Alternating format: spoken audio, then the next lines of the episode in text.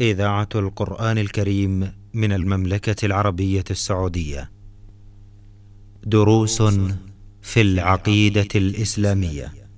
برنامج من إعداد فضيلة الدكتور صالح بن عبد الرحمن الأطرم. تقديم يوسف العقيل. بسم الله الرحمن الرحيم الحمد لله والصلاة والسلام على خير خلق الله محمد بن عبد الله وعلى آله وصحبه أجمعين أيها الإخوة المستمعون الكرام السلام عليكم ورحمة الله تعالى وبركاته. حياكم الله وفي مطلع هذه الحلقة من برنامج دروس في العقيدة نرحب بفضيلة الشيخ صالح بن عبد الرحمن الأطرم عضو هيئة كبار العلماء فمرحبا بكم فضيلة الشيخ. حياكم الله ووفق الله الجميع لما يحبه ويرضاه اللهم آمين. إخوتنا المستمعين الكرام لا يزال حديثنا في دروس في العقيدة في باب هو موضوعنا لهذه الحلقة وهو باب لا يذبح لله بمكان يذبح فيه لغير الله.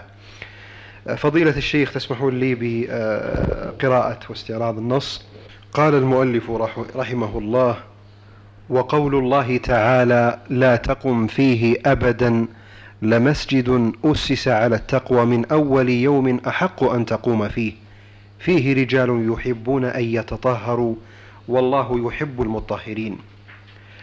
وعن ثابت بن الضحاك رضي الله عنه قال نذر رجل أن ينحر ابلا ببوانة فسأل النبي صلى الله عليه وسلم فقال هل كان فيها وثن من أوثان الجاهلية يعبد؟ قالوا لا. قال فهل كان فيها عيد من أعيادهم؟ قالوا لا. فقال رسول الله صلى الله عليه وسلم أوف بنذرك فإنه لا وفاء لنذر في معصية الله ولا فيما لا يملك ابن آدم. رواه أبو داود وإسناده على شرطهما. فضيلة الشيخ لعلنا في بداية هذه الحلقة لعلكم تذكرون مناسبة الباب لكتاب التوحيد ومناسبته للموضوع الذي يسبق حفظكم الله. بسم الله الرحمن الرحيم. الحمد لله رب العالمين وصلى الله وسلم على نبينا محمد وعلى آله وصحبه أجمعين. اللهم صل وسلم. وبعد فإن هذا الباب مناسب لما قبله ولما بعده وللمو ولموضوع الكتاب لأن موضوع الكتاب بعنوان كتاب توحيد. وعنى بذلك توحيد الله وعنى بذلك توحيد الله سبحانه وتعالى. وتوحيد الله يشمل توحيد في ربوبيته وألوهيته وأسمائه وصفاته. وهذا الكتاب أكثر موضوعاته في توحيد العبادة أي توحيد الألوهية لأنه هو الذي حصلت فيه الخصومة بين الرسول عليه الصلاة والسلام وبين قومه. اللهم صل وهكذا فيما بعد الرسول عليه الصلاة والسلام فإن المهم توحيد الألوهية. لأن من جاء بتوحيد الألوهية فقد يأتي بالنوعين الآخرين. حيث لم يقم بحق الألوهية إلا وقد علم أنه رب يخلق ويرزق. ولم يعتقد هذا الاعتقاد من لأن أنه الخالق الرازق وأنه المعبود وحده إلا وهو المستكمل لجميع الصفات العليا والأسماء الحسنى. ف فتوحيد الربوبية توحيد الأسماء والصفات قل من أنكره من الخلق. توحيد الربوبية جميع الخلق لا يشاء الله إلا ما شذ من الدهريين والإباحيين. لأنهم يقرون بتوحيد الربوبية. وهكذا الأسماء والصفات فإن كثيرا من العرب الكفار يقرون بنوع أسماء الله وصفاته. كما قال أمية الصلت مجدوا الله فهو للأهل مجد ربنا أمسى في السماء كبيرا. فيقرون بعلو الله. وبكبريائه. ولكن لا يقرون بانفراده بالعبادة. لذا جاءت الخصومة بين الأنبياء والرسل وبين الرسول محمد عليه الصلاة والسلام خاتم الأنبياء وقومه في توحيد الألوهية. فهذا الكتاب ألف لهذا الغرض وهو لذكر مسائل يفعلها الكفار مما يخل بتوحيد الألوهية. ولم يركز على توحيد الربوبية والأسماء والصفات إلا في موضوعات قليلة. موضوعات قليلة. نعم. فموضوع الكتاب سبعة وستين موضوعا. ما ذكر فيه الأسماء والصفات إلا موضعين أو ثلاثة. ومن توحيد الربوبية نفس الشيء الباب الأخير ختم به ما يتصل بتوحيد الربوبية. والبقية كلها بما يتصل توحيد الألوهية لأنه هو المطلوب من العباد. نعم. وهو الذي حصلت فيه الخصومة بين الأنبياء وبين أممهم وهذا الموضوع الذي معنا له صلة بالموضوع الذي قبله وهو أن إراقة الدم للحيوان لا يجوز إلا لمسألتين إلا في مسألتين. المسألة الأولى أن يسفك الدم تقربا إلى الله كالأضحية والهدايا والعقيقة. المسألة الثانية أن يريق الدم لقصد أكل لحم ما يباح أكله. ما يباح أكله. هذا ما جاءت الشريعة في إباحة إراقة دم الحيوان مأكول اللحم. فدل على أن إراقة الدم أمر معظم عند الجاهلية وعند غير المسلمين. فصاروا يعظمون أوثانهم وأصنامهم وعظماءهم بإراقة دم الحيوان. فجاء الشيخ بهذا العنوان الذي قبل هذا الباب باب ما جاء في الذبح لغير الله أي ما جاء من النصوص التي تحرمه لأن يسفك الدم تقربا إلى مخلوق وباسم المخلوق سواء حيا أو ميت أو باسم وثن أو تعظيم أي مخلوق كان.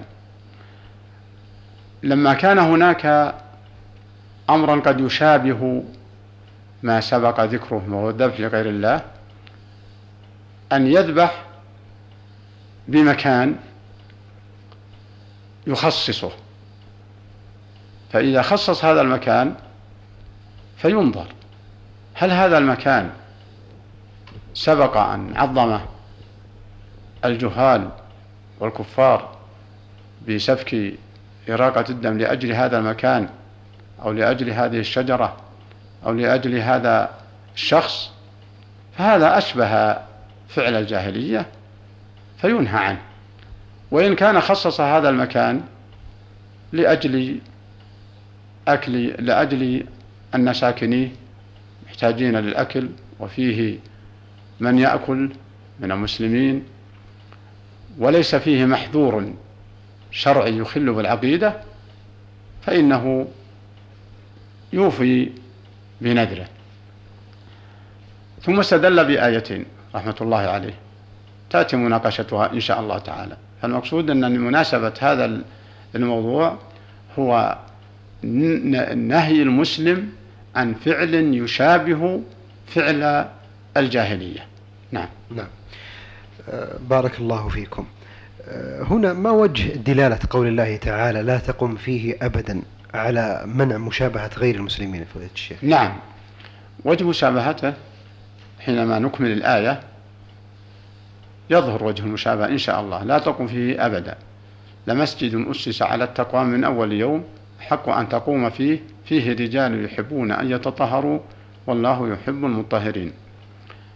وقبلها والذين اتخذوا مسجدا ضرارا وكفرا وتفريقا بين المؤمنين وإرصادا لمن حارب الله ورسوله ولا يحلفن إن أردنا إلا الحسنى والله يشهد إنهم لكاذبون. فالوجه المشابهة أن الصحابة رضي الله عنهم وأرضاهم نذر نذر أن ينحر إبلا ببوانة نعم. فتخصيصه البوانة هذا الموضوع سأل الرسول عليه الصلاة والسلام نعم. لماذا خصيت هذا الموضوع هل فيه وثن يعبد قالوا لا طيب هل فيه مكان يعبد فيه يتعبد فيه لغير الله؟ قالوا لا. لا ليس في مكان. نعم. فقال أوفي بنذرك. ثم بين السبب عن سؤاله. لا وفاء لنذر في معصية الله ولا مكان يعبد فيه غير الله. ما, ما دام إن هذا المكان سليم من عبادة الأوثان وسليم مكان الخرافات فأوفي بنذرك. الآية لا تقوم فيه أبدا. وجه المشابهة إذا فهمنا اللي قبلها والذين اتخذوا مسجدا ضرارا وكفرا وتفريقا بين المؤمنين من يقصد بهذه؟ المنافقين. يقصد بهذا المنافقين الذين عمروا مسجد الضرار لما بنى الرسول عليه الصلاة والسلام مسجده. اللهم صل وهو مسجد التقوى ثم مسجد قباء. مسجد قباء. فبنوهم مسجد مستقل المنافقون وبنوه على هيار. فدعوا الرسول ليستفتحه صلي فيه. فنزل الوحي على الرسول يمنعه من الصلاة في مسجدهم. ثم بين المواضع التي تفضل فيها الصلاة وهو أول مسجد نسس على التقوى والمراد فيه مسجده أول ما وصل إلى المدينة وبناه والمسجد الثاني مسجد قباء. مسجد قباء. نعم. فالله سبحانه وتعالى أخبر رسوله في المساجد التي يصلي فيها وإخبار هذا فيه النهي عن الصلاة في المسجد الذي دعاه إليه المنافقون نعم. المنافقون من أجل هذه الخديعة وهو أنهم أسسوا على هيار فلهذا قال الله تعالى بعد ذلك أفمن أسس على التقوى؟ أي اللي أسس على التقوى؟ أسس على هيار. أيهما أفضل؟ طبعا الذي أسس على التقوى. لمسجد أسس على التقوى من أول يوم أحق أن تقوم فيه. فيه رجال يحبون أن يتطهروا. والله يحب المطهرين. ففيه فضل الطهور وفضل المتطهرين والناصحين والصادقين. هذا فضلهم على المنافقين الذين مسجدوا الذين بنوا مسجدهم على هيار. كما قال تعالى فمن آه، لا يزال بنيانهم الذي بنوا ريبة يقول إلا أن تقطع قلوبهم والله عليم حكيم. فنهاه عن أن يصلي آه، أن يصلي فيه. فيكون في ذلك مشابهة. فيكون في هذا مشابهة. فأي بقعة أسست لمعصية الله لا ينبغي للمسلم أن يعمرها بصلاة أو عبادة أو أو أو أو عبادة حتى لا يشابههم. حتى لا يشابههم. نعم. وقوله على التقوى المسجد الذي بنوا بنى في الأول وليس فيه منع عن المسجد قباء لكن هذا أحق من أن تذهب للمنافقين. للذي بنوا المنافقين لا. هذا بني على هيار. فلا تقم فيه فلا أبداً. تقم فيه أبدا. وهذا حكم للرسول عليه الصلاة والسلام اللهم صل وسلم. وعلى المنافقين في وقته وفي سائر الأوقات. فأي ولهذا المسلمون من بعد الرسول عليه الصلاة والسلام اللهم صل وسلم. إذا عمر مسجد لوحظ فيه أنه فيه مضارة لمسجد مجاورة منع. انطلاقا من هذه الآية وهذه آه، التعاليم. فالمقصود أن أن أن أن وجه الاستدلال واضح من قوله لا تقم فيه أبدا. و وإذا كان نهي الرسول عليه الصلاة والسلام اللهم صل. عن مشابهة المنافقين ففيه نهي أيضا عن مشابهة المشركين في الذبح لغير الله من خلال الحديث وهو قوله نذر أن ينحر إبلا ببوانة. نعم. فإنه سأل في وثن قال ما, قال ما في وثن. فيه عبادة لغير الله ما في عبادة لغير الله. فيه عيد؟ فيه عيد؟ نعم. فيه عيد وهو ما يعاود ويتكرر لتعظيمه. نعم. قالوا لا. قال إذن أوفي بنذرك. ف فدل هذا على أن المسلم يبعد عن مشابهة المشركين ومشابهة الجاهلين بتعظيم البقع التي لم يرد فيها تفضيل.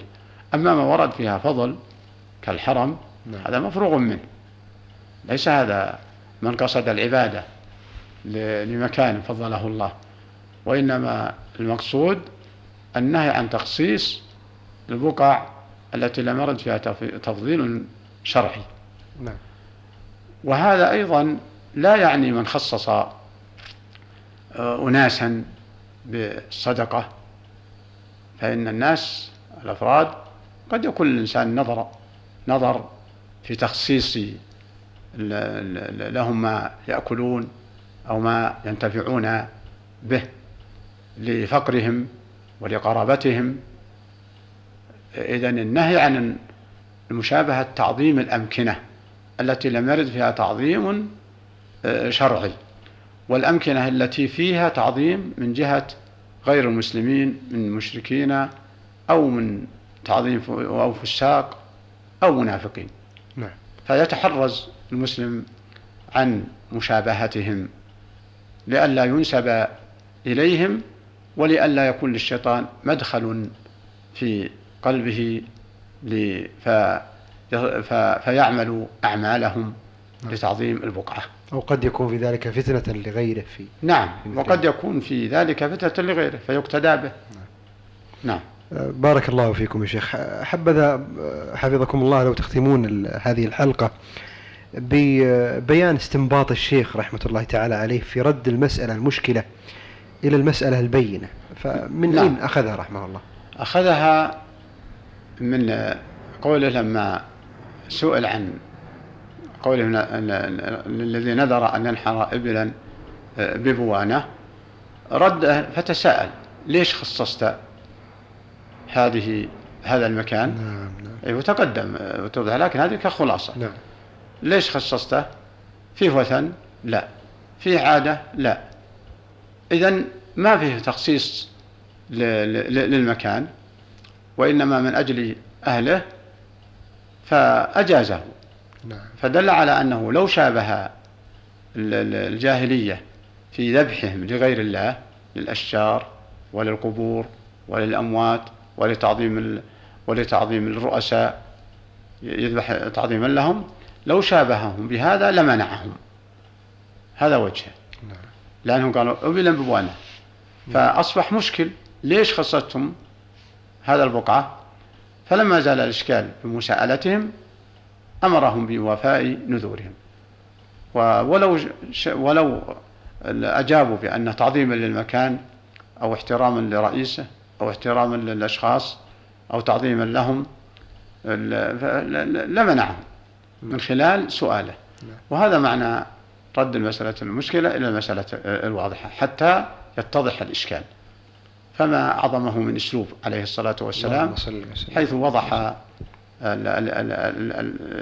الإشكال وانبرح الحق وظهر أنه لا قصد لهم فأجازهم بوفاء نذورهم. وهكذا كل مسألة المشكلة كيمين أو نذر أو فعلى المفتي التساؤل حتى يتبين له وجه الإشكال عند السائل. نعم. بارك الله فيكم فضيلة الشيخ وجزاكم الله خيرا.